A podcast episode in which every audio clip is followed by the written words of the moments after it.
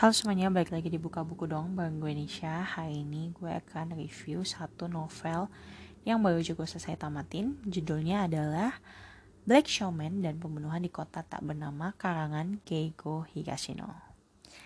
Well, lagi, lagi, lagi, dan lagi gue terpukau sama novel karangan penulis atau cakanim yang satu ini, Keigo Higashino jadi ceritanya berpusat kepada sesuai judulnya ya, Black Showman dan pembunuhan di kota tak bernama.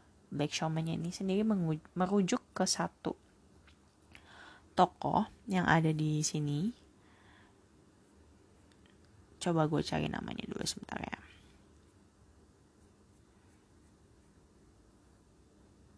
Gue gue agak jujur agak lupa sih namanya soalnya di sepanjang uh, apa ya sepanjang.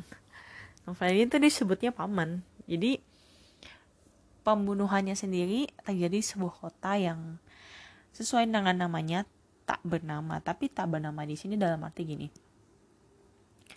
Intinya kota yang kecil tidak terkenal di Jepang kayak gitu. Jadi tak bernamanya tuh bukan secara harafiah ya guys.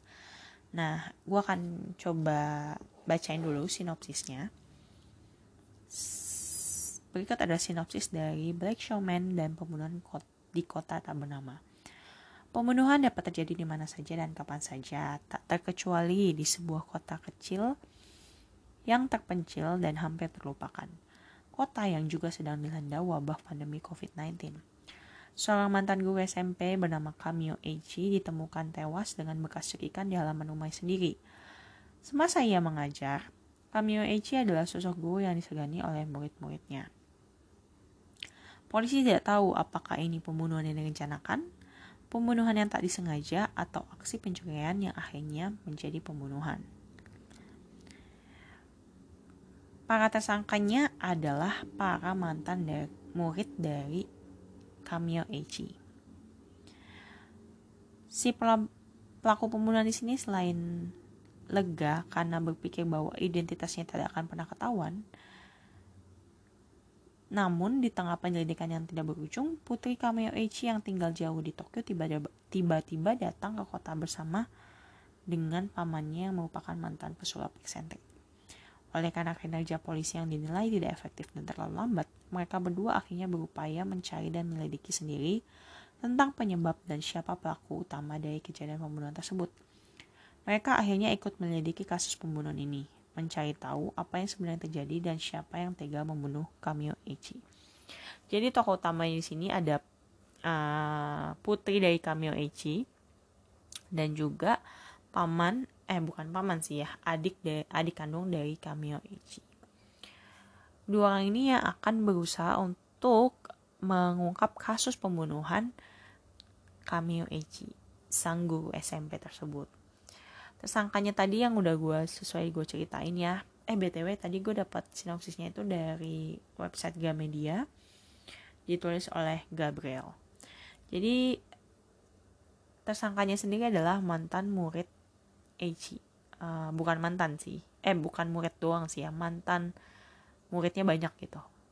Beberapa mantan murid si Kamio Eichi tersangkanya ada mungkin kalau nggak salah ya sekitar tujuh tersangka dan masing-masing tuh ada yang punya alibi ada yang nggak punya alibi gitu ya nah si pamannya ini kita panggilnya paman aja lah ya adik dari si Cameo H ini kita panggilnya paman dan an anaknya si putrinya ini bekerja sama untuk memecahkan alibi para tersangka tersebut Nah, menurut gue cerita di sini alurnya mirip sama newcomer yang pernah gue review juga. Di mana di newcomer itu kan uh, dia kayak nyeritain kisah-kisah di sekelilingan lingkungan di sekeliling lingkungan Nihon Basinya dulu kan sebelum merucut kepada kasusnya atau siapa nih pelakunya gitu. Nah ini juga mirip nih.